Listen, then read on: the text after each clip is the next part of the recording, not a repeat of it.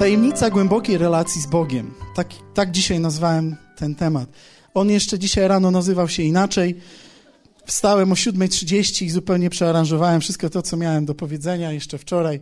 Ci z was, którzy mnie znają, to wiedzą już, ja się chwaliłem, na samym początku września chwaliłem się swoimi przygodami, jeśli chodzi o, o przygotowywanie właśnie słowa, o przygotowywanie nauczania.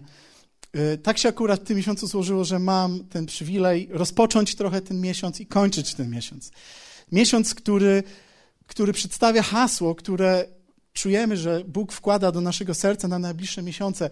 Moje miejsce, mój dom. W czwartek ten, który rozpoczynał wrzesień, mówiłem o wizji, mówiłem o obrazie, który Bóg wkłada w nasze serca. Dzisiaj chciałbym powiedzieć coś o relacji, ponieważ wydaje mi się, że to w piękny sposób pewną klamrą zamyka cały ten miesiąc, który jest poświęcony temu hasłu, y, czemuś, co nazywamy wizją, czemuś, co nazywamy naszym celem, naszym planem, jako, który mamy jako Kościół na najbliższy czas. Tajemnica głębokiej relacji z Bogiem. Relacja z Bogiem. To był temat, to jest temat, był, na pewno był dla mnie temat bardzo tajemniczy. Kiedy usłyszałem pierwszy raz w ogóle sformułowanie relacja z Bogiem, naprawdę nie wiedziałem, o czym jest mowa ponieważ Bóg generalnie kojarzył mi się z odpowiedzią na dwa pytania. Czy On istnieje i do jakiego kościoła w związku z tym chodzić, jeżeli On istnieje? I niewiele więcej się nad tym zastanawiałem. Kiedy spotkałem ludzi, którzy zaczęli mi opowiadać, że mają relacje z Bogiem, naprawdę dziwiłem się, patrzyłem na nich lekko zaskoczony.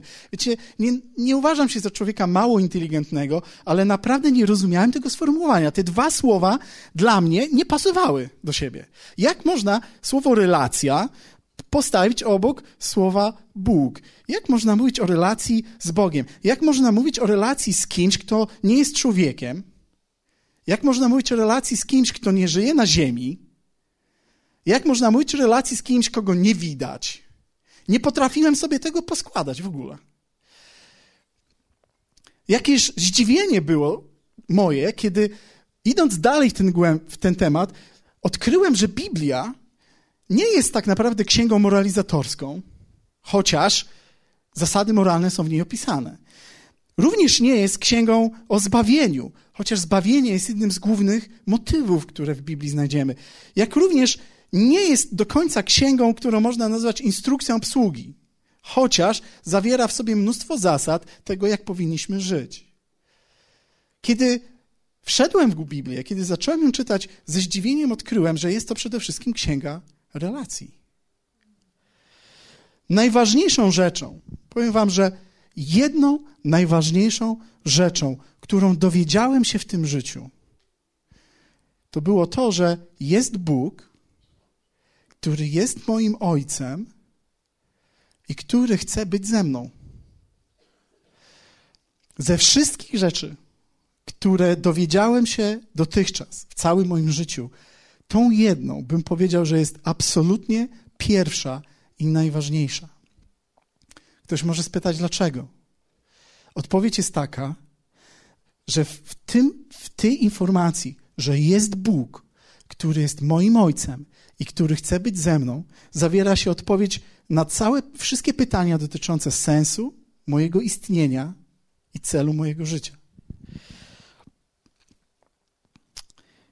Najważniejsza informacja w moim życiu to to, że bez bliskiej, głębokiej, dojrzałej relacji z Bogiem nie jestem w stanie wypełnić Jego woli.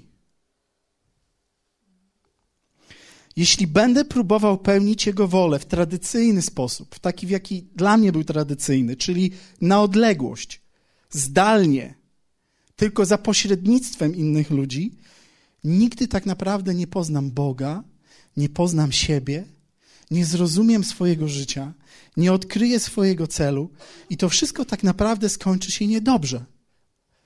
Ponieważ upadnę w mojej próbie pełnienia Jego woli, jeśli nie będę miał bliskiej, głębokiej, dojrzałej, rozwijającej się relacji z Bogiem. Nie dam rady.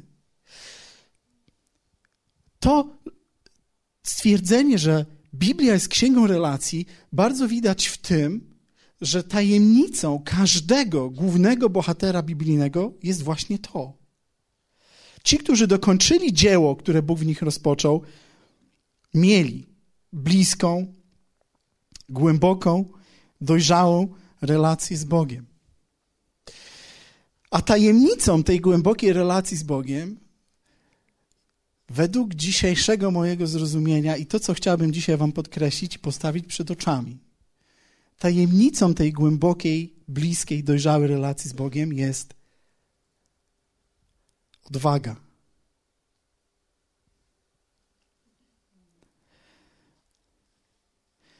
Myślę, że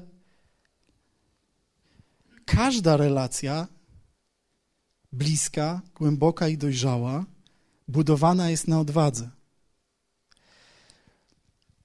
Czasami mamy takie, taki obraz, takie przeświadczenie, że żeby przyjść do Boga, musimy uniżyć się tak bardzo, że nie ma w tym miejsca na takie rzeczy jak szczerość i otwartość. Że wydaje nam się, że żeby zbliżyć się do Boga, musimy koniecznie stosować się do pewnych rytuałów, do pewnych konwenansów, które podszyte są często lękiem. Myślę, że w wielu miejscach, w wielu sercach ludzkich jest takie przekonanie, że odwaga w relacji z Bogiem jest nie na miejscu, że zakrawa na pewną arogancję. Tymczasem musimy uświadomić sobie, że odwaga, czyli zdolność do podejmowania ryzyka, nie jest arogancją. Arogancja jest wtedy, kiedy myślimy wyżej o sobie niż powinniśmy. Więc arogancja wypływa z pychy, natomiast odwaga zawsze wypływa z wiary. Nie bałbym się dzisiaj powiedzieć, że odwaga to jest wiara w praktyce. Owocem wiary jest właśnie odwaga.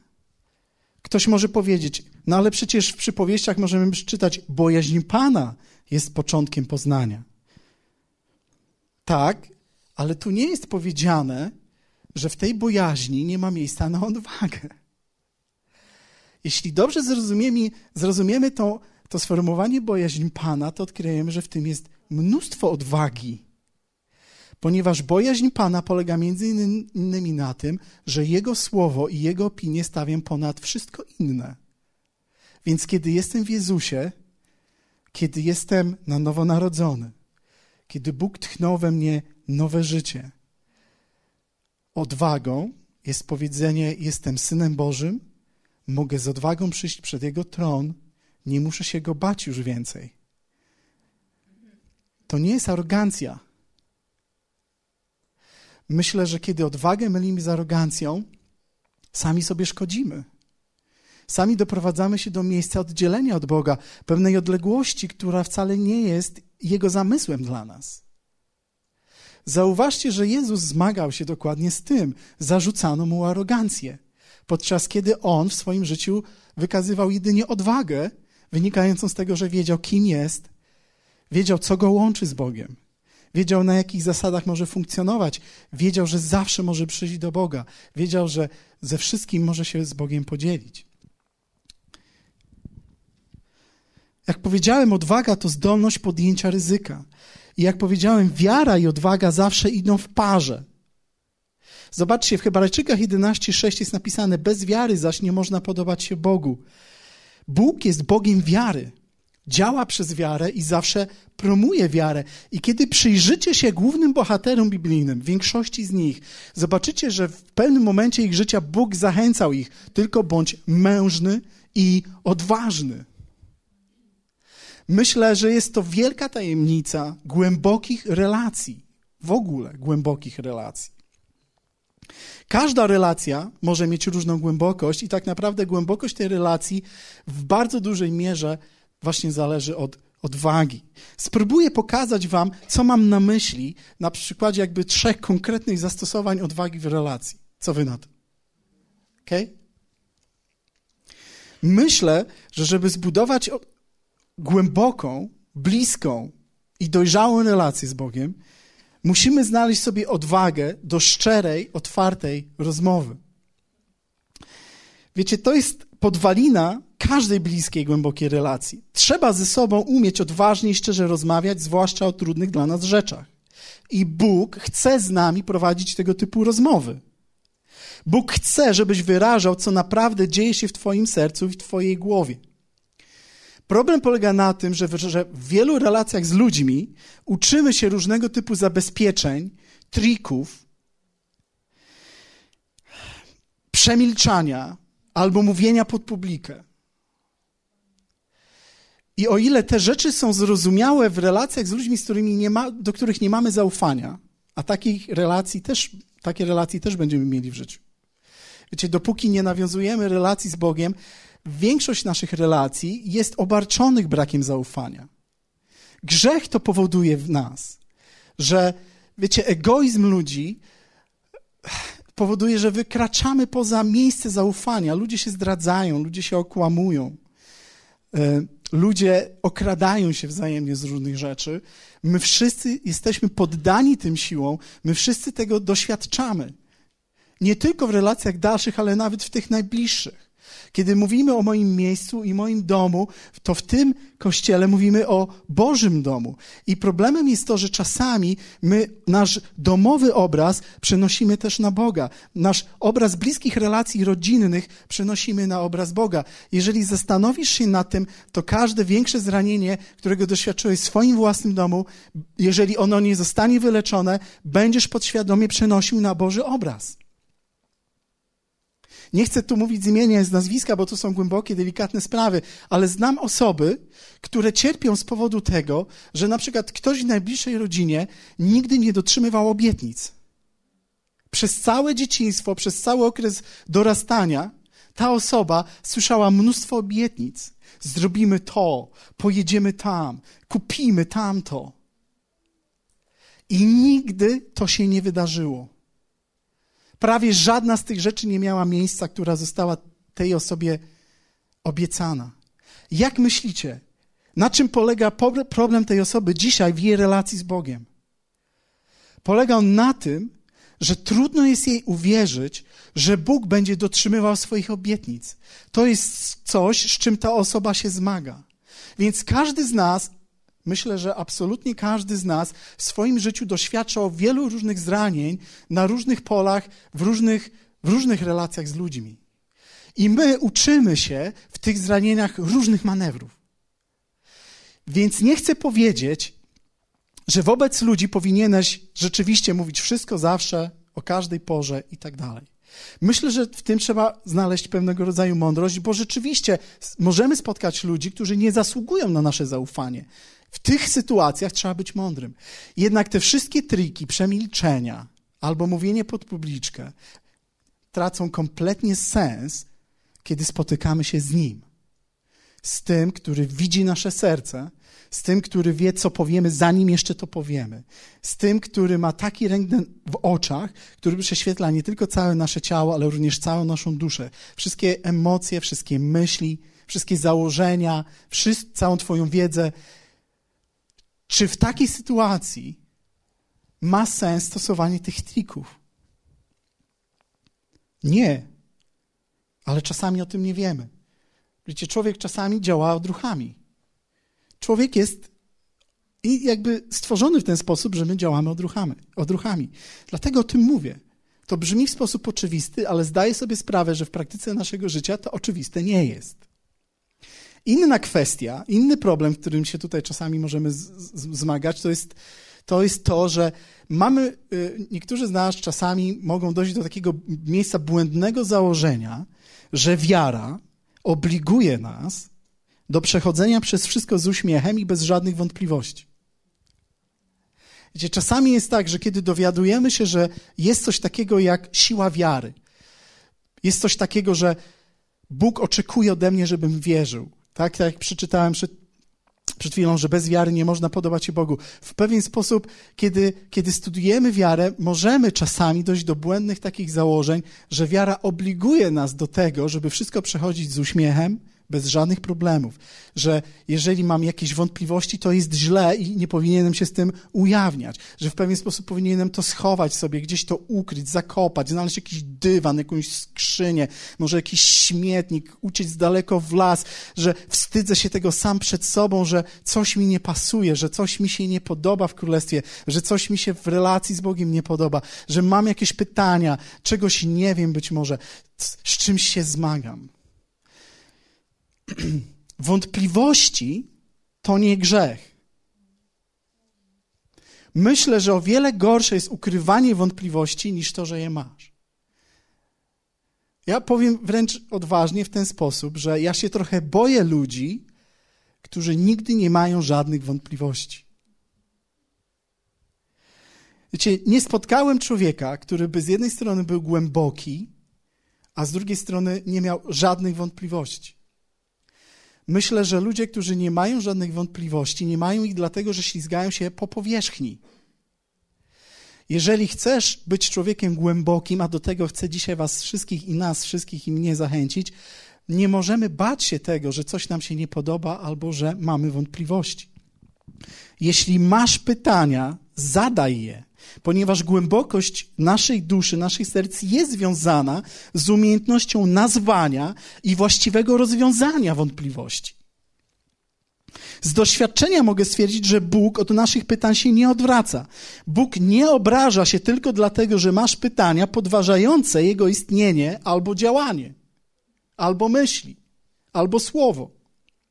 Jeśli zadasz te pytania z minimalnym chociaż szacunkiem, nie zatwardzając swojego serca, bez wydawania sądów, ale ze znakiem pytania, Bóg odpowie ci na nie na 100%, ponieważ Bóg lubi szczere pytania.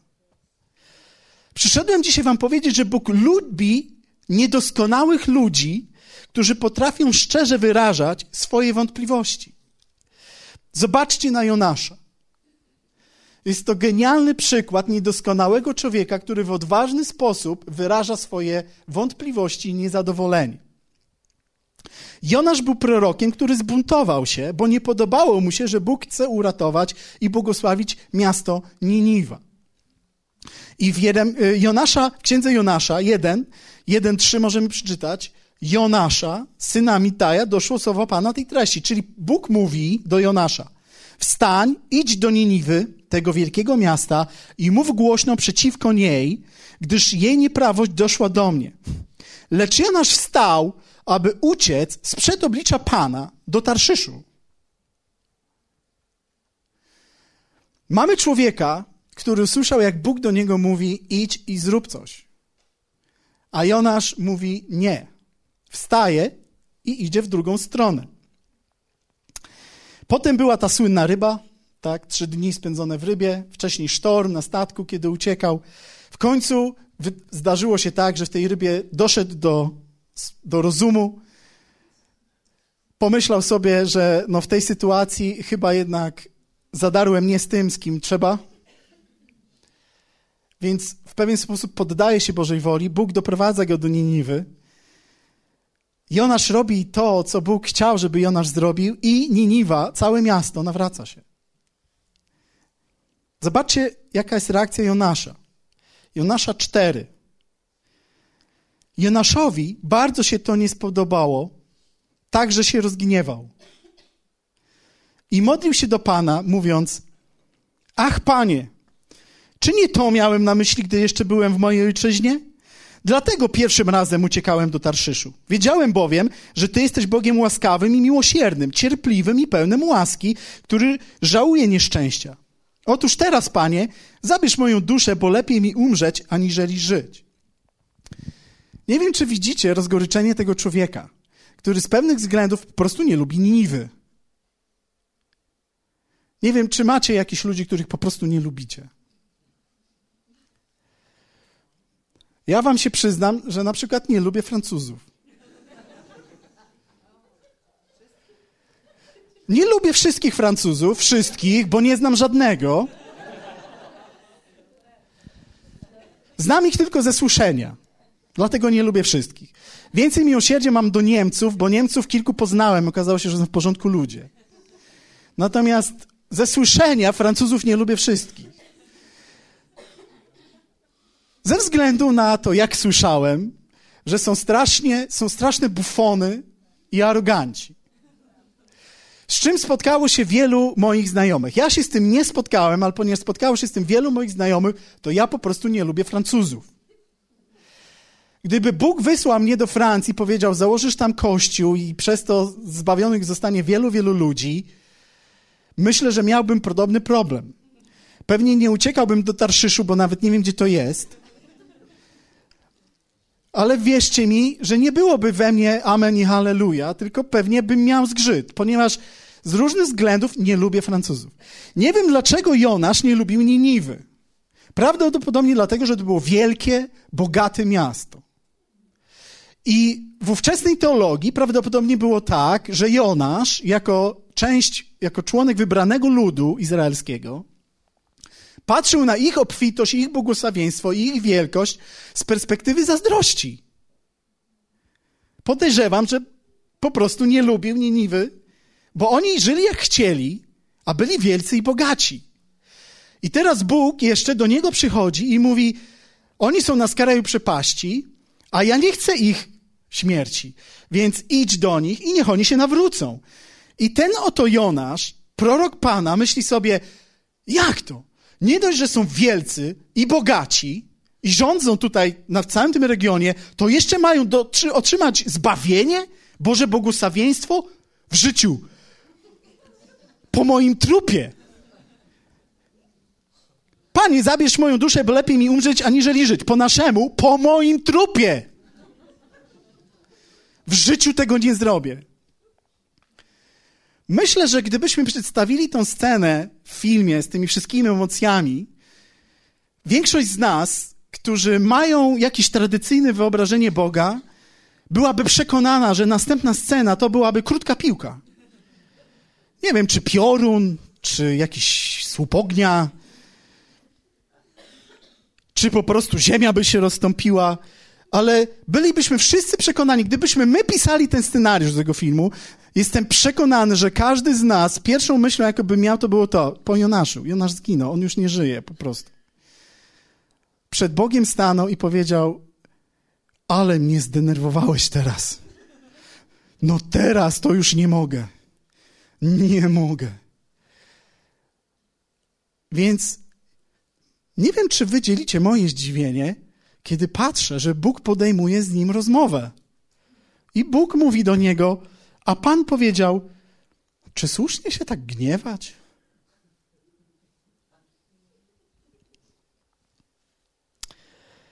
Kawałek dalej jest taka sytuacja, że Bóg wy, jakby wy, wy, wyciąga go z Niniwy, tak żeby on mógł obserwować, co się dzieje, żeby Jonasz mógł obserwować, co się dzieje w mieście. Tam był skwar, więc wyrósł krzew, który dawał Jonaszowi cień, ale pojawił się robak, który podgryzł ten krzew i ten krzew umarł, więc Jonaszowi znowu doskwierało gorąco.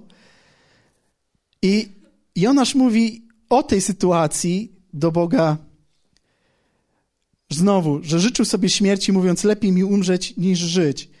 I wtedy Bóg rzekł do Jonasza, czy to słusznie tak się gniewać z powodu krzewu rycynowego? Zobaczcie, co Jonasz odpowiada. Ten odpowiedział, słusznie jestem zagniewany i to na śmierć.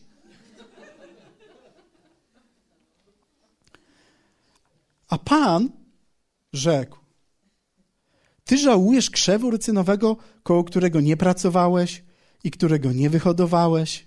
Wyrósł on w ciągu jednej nocy i w ciągu jednej nocy zginął. A ja nie miałbym żałować Niniwy, tego wielkiego miasta, w którym żyje więcej niż 120 tysięcy ludzi. To taka propos, jeśli ktokolwiek ma kompleksy propos koszalina. Tego wielkiego miasta, w którym żyje więcej niż 120 tysięcy ludzi, którzy nie umieją rozróżnić między tym, co prawe, a tym, co lewe. I tu się zatrzymajmy, z tym bydłem dajmy sobie na razie spokój. Myślę, że kolejność tego pytania w tłumaczeniu naszym jest dość dziwna. Bóg gotowy jest podjąć dyskusję z każdym, kto chce szczerze rozmawiać. Bóg nie podejmuje rozmowy jedynie z szydercami, ludźmi pysznymi i arogantami. ale odpowie na wątpliwości. Zawsze odpowie na wątpliwości wylane ze szczerego serca. Zobaczcie, że Jezus wręcz wprost o tym powiedział. W Ewangelii Jana, w pierwszym rozdziale, możemy zobaczyć tą scenę, o której była już w tym tygodniu, w tym miesiącu mowa. Filip spotkał Natanaela i rzekł do niego: Znaleźliśmy tego, o którym pisał w zakonie Mojżesz, a także prorocy, Jezusa, syna Józefa z Nazaretu. Wtedy Natanael rzekł do niego: Czy z Nazaretu może być coś dobrego? Filip na to: Pójdź i zobacz. I teraz ciekawa jest właśnie reakcja, komentarz Jezusa na to. A gdy Jezus ujrzał Natanaela idącego do niego, rzekł o nim: Oto prawdziwy Izraelita, w którym nie ma fałszu. Wygląda trochę tak, jakby Jezus pochwalił Natanaela za słowa wątpliwości i podważenia. Natanael nie próbował ukrywać tego, co myśli wobec Jezusa. I myślę, że to jest wielkie. Nie próbował tego ukryć też wobec przyjaciół. Zobaczcie, że on tego nie strzelił tak publicznie do kogokolwiek. On to powiedział do przyjaciela. Spojrzał głęboko w oczy przyjacielowi i spytał się, czy z Nazaretu może być coś dobrego? Dla mnie to dowód. Właśnie to, że Jezus tu pochwala Natanela i mówi, to jest prawdziwy Izraelita w, którym, Izraelita, w którym nie ma fałszu. Dla mnie to jest dowód, że Bóg kocha nas i traktuje poważnie. To, co przeżywamy, to, co myślimy, to, z czym się zmagamy. Bóg traktuje to poważnie. Warto więc zadawać sobie szczere pytania odnośnie swoich wątpliwości, a kiedy nie znajdujemy na nie odpowiedzi, pytać wprost Boga. Natanael zapytał, czy z Nazaretu może być coś dobrego. A dzisiaj możemy mieć na przykład pytanie, czy rzeczywiście warto budować życie, które podoba się Bogu? Czy warto jest wysilać się? Czy warto jest włożyć swój czas, swoje pieniądze, swoje talenty w to, żeby budować życie według Bożych zasad? Czy warto jest iść za Nim? Czy warto jest iść Jego drogą? Oba pytania, wszystkie te pytania, które teraz zadałem, są dobre. I odpowiedź na nie wszystkie jest: pójdź i sam zobacz. Chcę Wam powiedzieć, że ja miałem takie pytania i od czasu do czasu mam. Od czasu do czasu Bóg doprowadza mnie do miejsca, w którym się zastanawiam, na ile to ma sens. I chcę Wam pokazać, w jaki sposób Bóg mi odpowiedział na przykład na to pytanie, gdybyśmy je tak właśnie zadali. Czy warto budować życie, które podoba się Bogu? Wiecie, ponieważ studiowałem ekonomię i marketing, Bóg posłużył się dokładnie tym, czym, co mogło mi przemówić do mojej wyobraźni. I użył tak zwanej piramidy Maslowa. Słyszeliście kiedyś? Piramida Maslowa? Abraham Maslow był z pochodzenia rosyjskim Żydem, ale był, żył i pracował w Stanach. Był psychologiem, który badał ludzkie zachowania, zajmował się motywacją. Więc zadawał sobie pytanie, dlaczego ludzie robią to, a tamto i kiedy i tak dalej. Czyli badał ludzkie zachowania.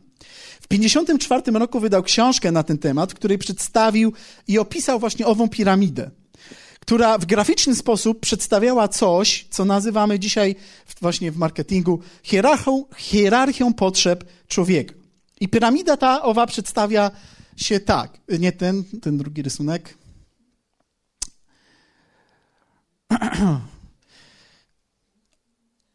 No, też nie ten. No dobra, okej, okay, to być może, być może dałem nie ten, co trzeba. Chociaż wydaje mi się, że dawałem dobry, ale okej, okay. dobrze. To zaraz pokażemy, bo to jest drugi rysunek, który chciałem wam pokazać. Ta oryginalna piramida, tak, zgaśmy to na razie, żeby nas nie rozpraszało. Dzięki. Ta oryginalna piramida składała się raz, dwa, trzy, cztery, pięć, z pięciu poziomów. Maslow, badając zachowania człowieka, stwierdził, że można podzielić wszystkie potrzeby człowieka na pewne pir takie piramidalne schody. Że wszystko jest w naszym życiu ułożone według pewnej hierarchii, według pewnego porządku. Więc najpierw to, czym się człowiek za zajmuje, to są potrzeby tak zwane fizjologiczne. Czyli związane z mieszkaniem, jedzeniem, oddychaniem. Niektórzy dodają tu też i seks, że to jest potrzeba fizjologiczna. Potem Wyżej jest potrzeby bezpieczeństwa, potem potrzeba przynależności, potem potrzeby uznania i potem potrzeby samorealizacji. Nie będę w to wszystko wchodził. Główna idea jest taka, że potrzeby w życiu człowieka są główną siłą, którą pcha człowieka do wszystkiego. I teraz w zależności od tego, ile potrzeb w życiu człowieka jest zaspokojonych, to tak on się czuje i taką jakość życia ma. Więc e, jeżeli potrzeby fizjologiczne są zaspokojone, dopiero wtedy człowiek zaczyna myśleć o potrzebie bezpieczeństwa. Kiedy potrzeba bezpieczeństwa jest zaspokojona, wtedy dopiero zaczyna myśleć o potrzebie przynależności. Kiedy ma tą potrzebę zaspokojoną, szuka wtedy dopiero uznania, szuka zaspokojenia potrzeby uznania. I dopiero na samym końcu są te potrzeby samorealizacji. Więc jakby wniosek z tego wszystkiego jest taki, im człowiek jest bardziej bogaty i im bardziej jest zaopatrzony, tym jest bardziej szczęśliwy, tym jest, ma większą satysfakcję. Na tym cały marketing się opiera. Marketing mówi nam wszystkim, czego potrzebujemy, jakie są nasze potrzeby. I ci wszyscy marketingowcy, którzy bazują właśnie swoje działania na tej piramidzie, ciągle wymyślają nowe potrzeby.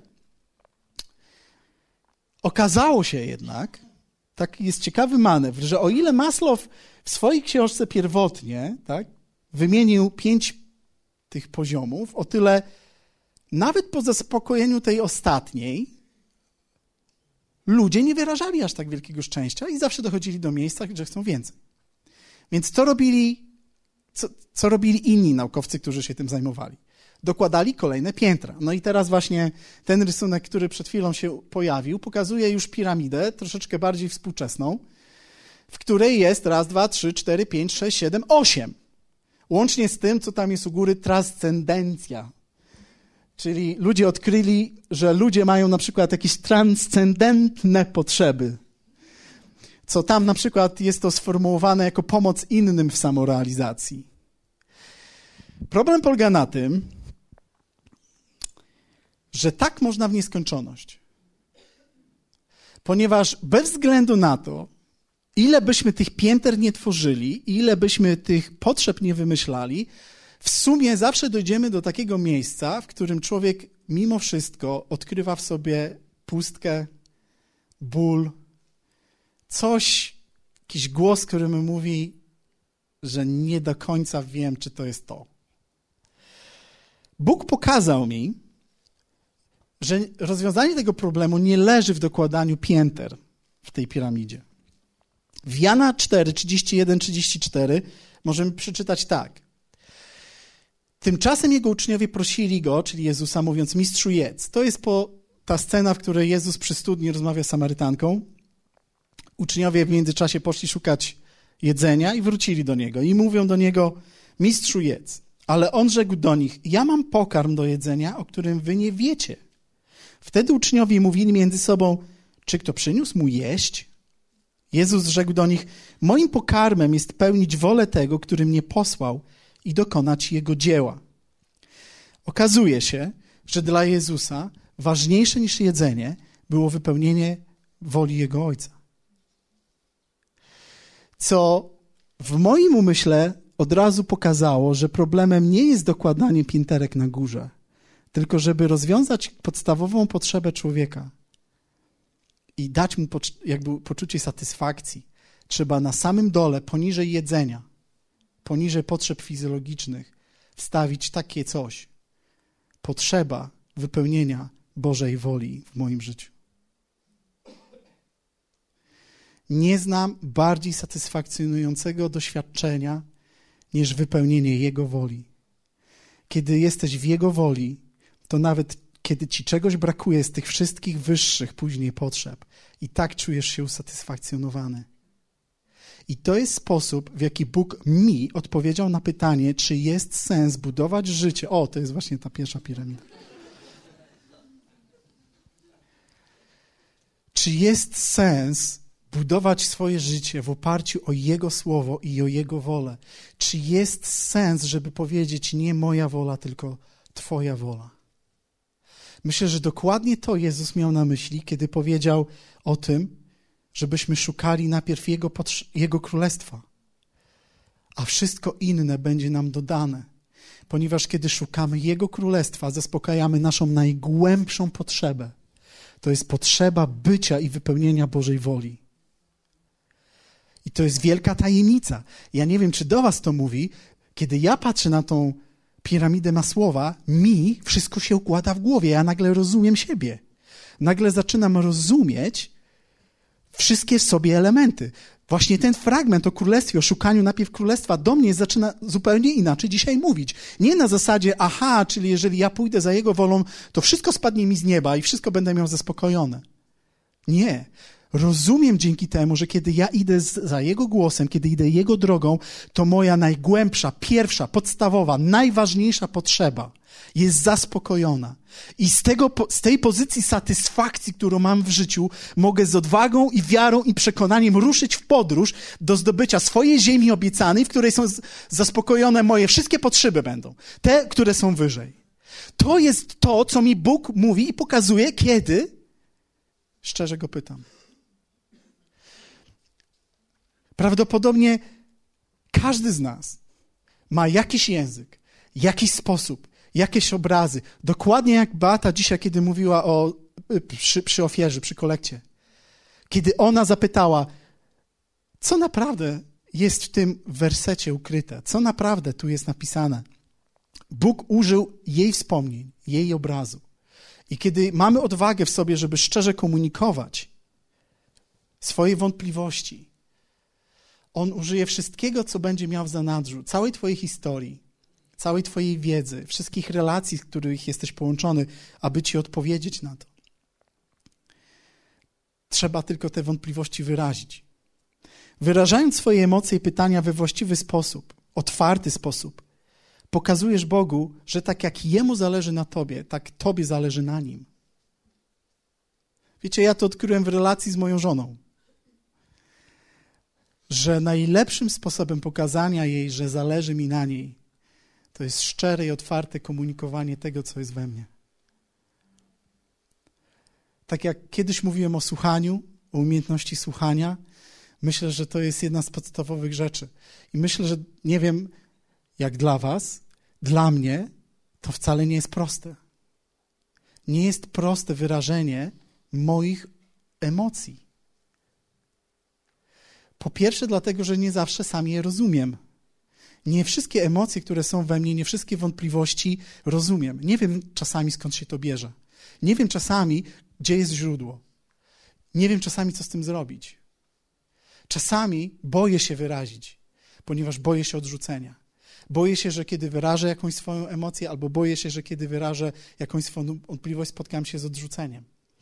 Ale myślę, że jeżeli chcemy budować głębokie życie, jeżeli chcemy budować głębokie, bliskie relacje, w tym z Bogiem, musimy znaleźć w sobie tą odwagę i zaufanie do Niego, że On oczekuje ode mnie, że będę wyrażał swoje pytania, swoje wątpliwości, te rzeczy, które w pewien sposób nie rażą, których być może nie rozumiem dzisiaj, które mnie bolą. Ponieważ w ten sposób pokazuję mu, że traktuję go poważnie i że go kocham, i że mu ufam, i że Zakładam, że on mnie zrozumie i że mnie poprowadzi, że mnie nie porzuci, że mnie nie zostawi. Że mogę być w jego oczach tak jak Jonasz, że mogę być w jego oczach tak jak Natanael. To jedna z podstaw głębokiej relacji z Bogiem. Zostało mi sześć minut, cztery, przepraszam. Jestem na szóstej stronie z dziesięciu.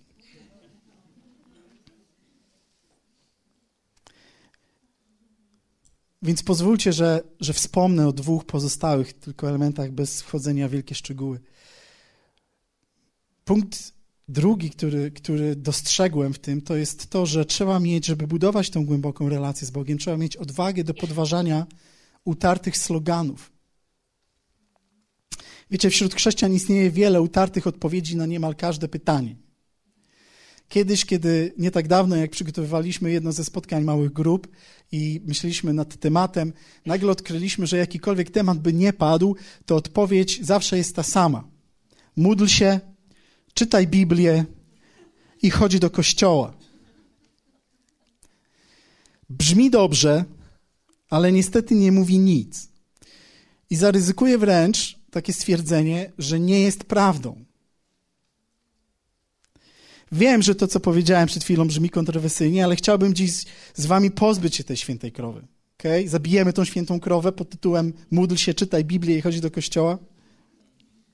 Czy są tu rodzice? Tak? Są tu rodzice? Ręce w górę. Kto z was odważyłby się dziecku swojemu powiedzieć, że Bądź uprzejmy, sprzątaj pokój i odrabiaj lekcje, a wszystko się w Twoim życiu ułoży.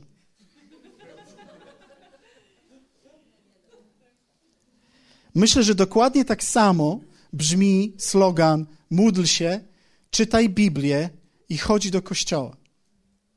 Czy jest to kłamstwo? Nie. Czy tych rzeczy nie powinniśmy robić? Nie, czyli powinniśmy, tak?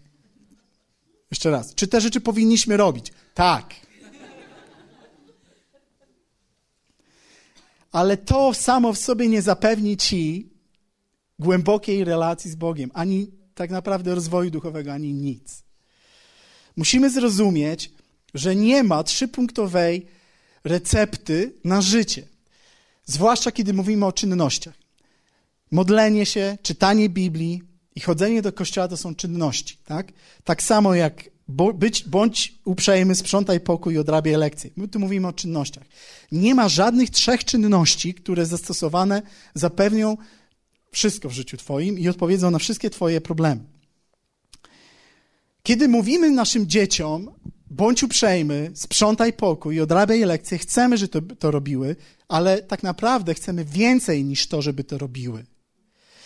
Chcemy, żeby one dostrzegły wartości, które stoją za tymi czynnościami ponieważ kiedy dostrzegą i przyjmą jako swoje wartości, które stoją za tymi czynnościami, dopiero wtedy będą potrafiły sobie poradzić w życiu. Kiedy zrozumieją, co naprawdę stoi za hasłem bądź uprzejmy, jaka wartość stoi za tym, żeby być uprzejmym. Jaka wartość stoi za tym, żeby sprzątać swój pokój? Jaka wartość stoi za tym, żeby odrabiać lekcje?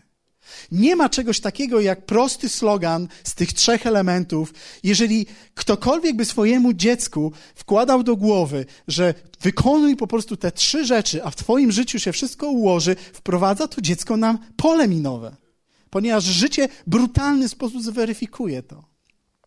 Więc, żeby budować głęboką relację z Bogiem, trzeba mieć odwagę do podważania w sobie tego typu sloganów. Slogan to prawda, której nie rozumiem, albo której nie doświadczyłem, albo która była tak często powtarzana, że zapomniałem zupełnie w ogóle, co ona znaczy. Tym sloganem może być wszystko. Tym sloganem może być powiedzenie Bóg jest dobry. Jeżeli ktoś tego nie doświadczył, albo nie rozumie, albo powtarzał w swoim życiu tak często, że to znaczenie tego zupełnie się zatarło, to hasło Bóg jest dobry jest w Twoim życiu, jest dla Ciebie tylko sloganem, niczym więcej. Na sloganach życia nie da się zbudować. Gedeon miał odwagę, żeby podważyć inny slogan pod tytułem Bóg jest z Tobą. W sędziów 6, 12, 13 jest ta scena słynna, w której Gedeonowi ukazał się anioł i powiedział: Pan z Tobą, mężu waleczny. A Gedeon rzekł do niego: Za pozwoleniem, panie mój, jeżeli Pan jest z nami, to. I tu padają pytania. Gedeon w obliczu anioła posłanego z nieba nie bał się podważyć sloganu. Czy ten slogan był kłamstwem? Nie. Z perspektywy duchowej, z perspektywy nieba, z perspektywy Boga taka była prawda. Pan jest z Tobą ale to może być slogan w Twoim sercu. To nie jest slogan dla Boga, to może być slogan w Twoim sercu, dlatego trzeba umieć podważyć slogan w sobie. Tylko w ten sposób będziemy mieli otwartą drogę do pogłębiania relacji z Bogiem. Nie możemy zatrzymywać się na, na sloganach. Trzeba mieć w sobie tą ciekawość i przenikliwość. Trzeba umieć sobie zadać pytanie, co naprawdę Jezus miał na myśli, mówiąc: nadstaw drugi policzek.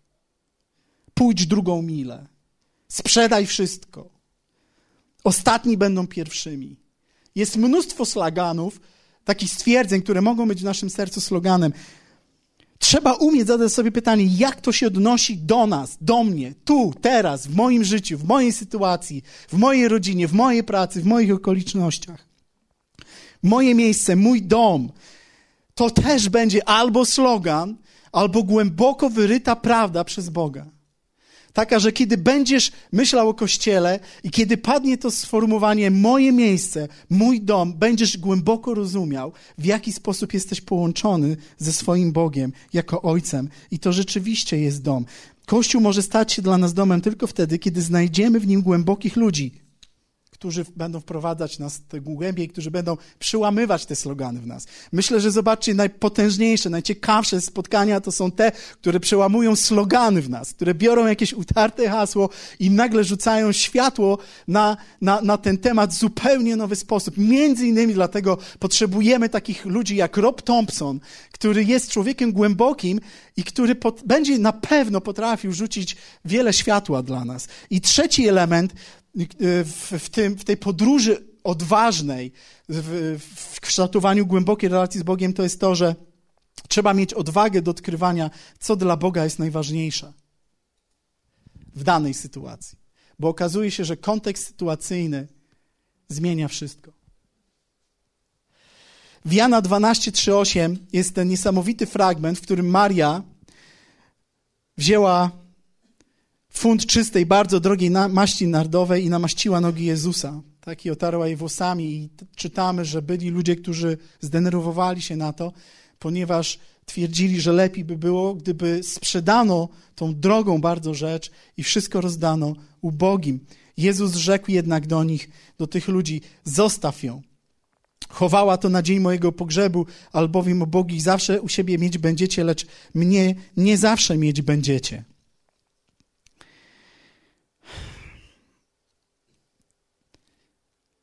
Faryzeusze myśleli w kategoriach módl się, czytaj Biblię i chodź do kościoła. Jezus był głębszy. Wiedział, co to dokładnie oznacza i co stoi za każdą z tych rzeczy. Potrafił więc powiedzieć: Oddajcie cesarzowi co cesarskie. Kto jest bez grzechu, niech pierwszy rzuci kamień. Sprzedaj wszystko, co masz i chodź za mną. Oraz zostaw ją, chowała to na dzień mojego pogrzebu, albowiem ubogich zawsze u siebie mieć będziecie, lecz mnie nie zawsze mieć będziemy. My również potrzebujemy takiej głębi. Pozwólcie, że odniosę się do takiej konkretnej sytuacji, która miała ostatnio miejsce na, na Facebooku. Na Facebooku, ja się rzadko odzywam w sumie na Facebooku, rzadko komentuję, co tam się dzieje, ale jedna sytuacja rzeczywiście mnie uruchomiła, także wpisałem tam swój post. Wiecie, w pewnym momencie ktoś y, wziął zdanie naszego pastora, który powiedział, że Kościół nie jest organizacją charytatywną, i wrzucił to na zasadzie właśnie takiej wyrwanej z kontekstu i poprosił wszystkich o komentarze. Wiecie, to jest mocne stwierdzenie, że Kościół nie jest instytucją dobroczynną, ale trzeba je rozumieć w kontekście. I to właśnie jest to, że trzeba w każdej sytuacji trzeba szukać, co dla Boga jest najważniejsze w danej sytuacji. Nie chodzi o to, że Kościół ma nie pomagać tym, którym brakuje. Ale istnieją pytania: jak, kiedy i komu? Czy to ma być priorytet dla naszego Kościoła? Dzisiaj, tu i teraz, w tym kraju, w tej sytuacji, w jakiej się znajdujemy? Czy ma to iść z głównego budżetu Kościoła? Czy mówiąc Kościół mamy na myśli pastor? W czasach, kiedy żył Jezus tutaj na ziemi, nie było organizacji dobroczynnych. Kościół był pierwszą z nich. Dzisiaj jest inaczej. Dzisiaj chcemy oduczać ludzi korzystania z takiej pomocy, kiedy nie jest to absolutnie konieczne. Są możliwości. Żyjemy w zupełnie innych standardach niż starożytny Rzym. Nie żyjemy w Indiach, nie żyjemy w Afryce. Nie ma w naszym kraju obiektywnego braku jedzenia. Nie ma czegoś takiego, że nie ma jedzenia. Nie ma też kast jak w, w Indiach, które po prostu blokują ci możliwości. Wiecie, kiedyś oglądałem film z Russellem Crowe, w którym on grał y, boksera. E, film się bodajże nazywał Człowiek Ringu po polsku, Cinderella Man po angielsku. Autentyczna historia z lat 20. i 30.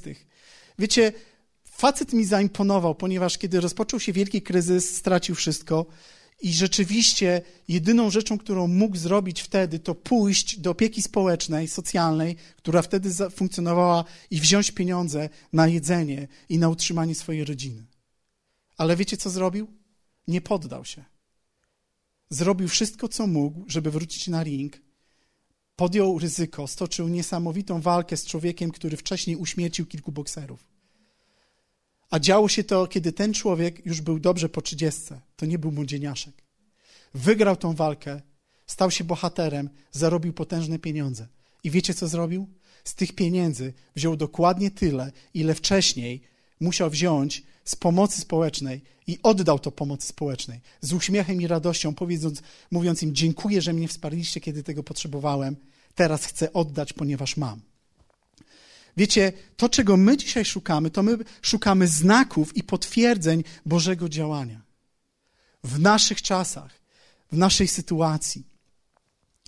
Musimy umieć spojrzeć poza, poza bieżące potrzeby i powiem też być może mocną rzecz, ale my uczymy się też, idąc za Bogiem, nie litować się nad swoimi własnymi słabościami, nie litować się nad tym, co w nas nie funkcjonuje, nie litować się wtedy, kiedy chcielibyśmy się najbardziej litować. Wiecie, jedną z najmocniejszych rzeczy, którą usłyszałem w tym kościele, to jest to możesz. Dasz radę.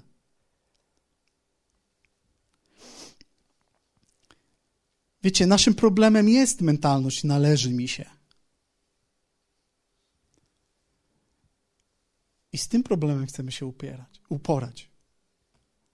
Ten problem chcemy rozwiązać żeby wyjść z mentalności należy mi się, która bardzo często przejawia się w najmniej spodziewanych, najmniejszych rzeczach w naszym życiu.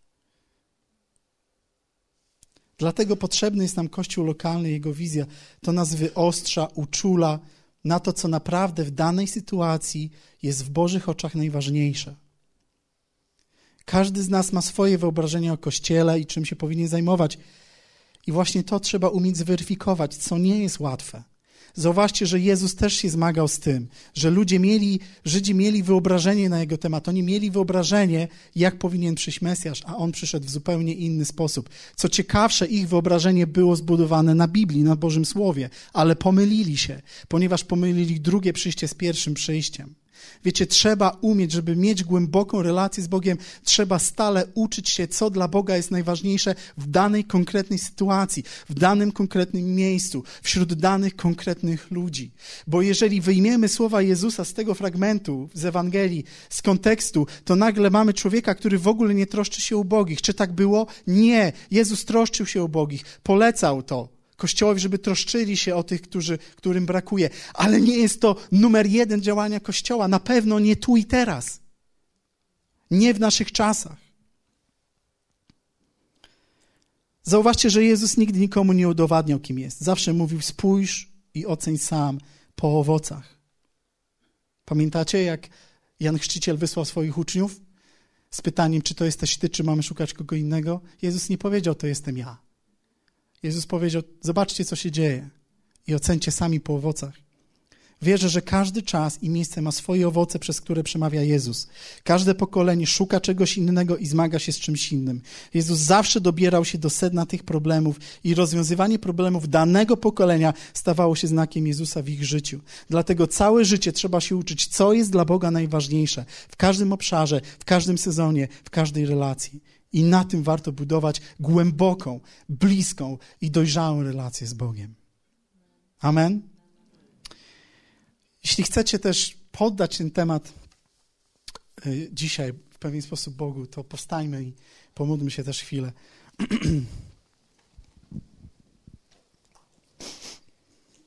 Halleluja. Dziękujemy Ci, Ojcze, że Ty traktujesz nas poważnie że kochasz nas. Jesteśmy ważni dla Ciebie.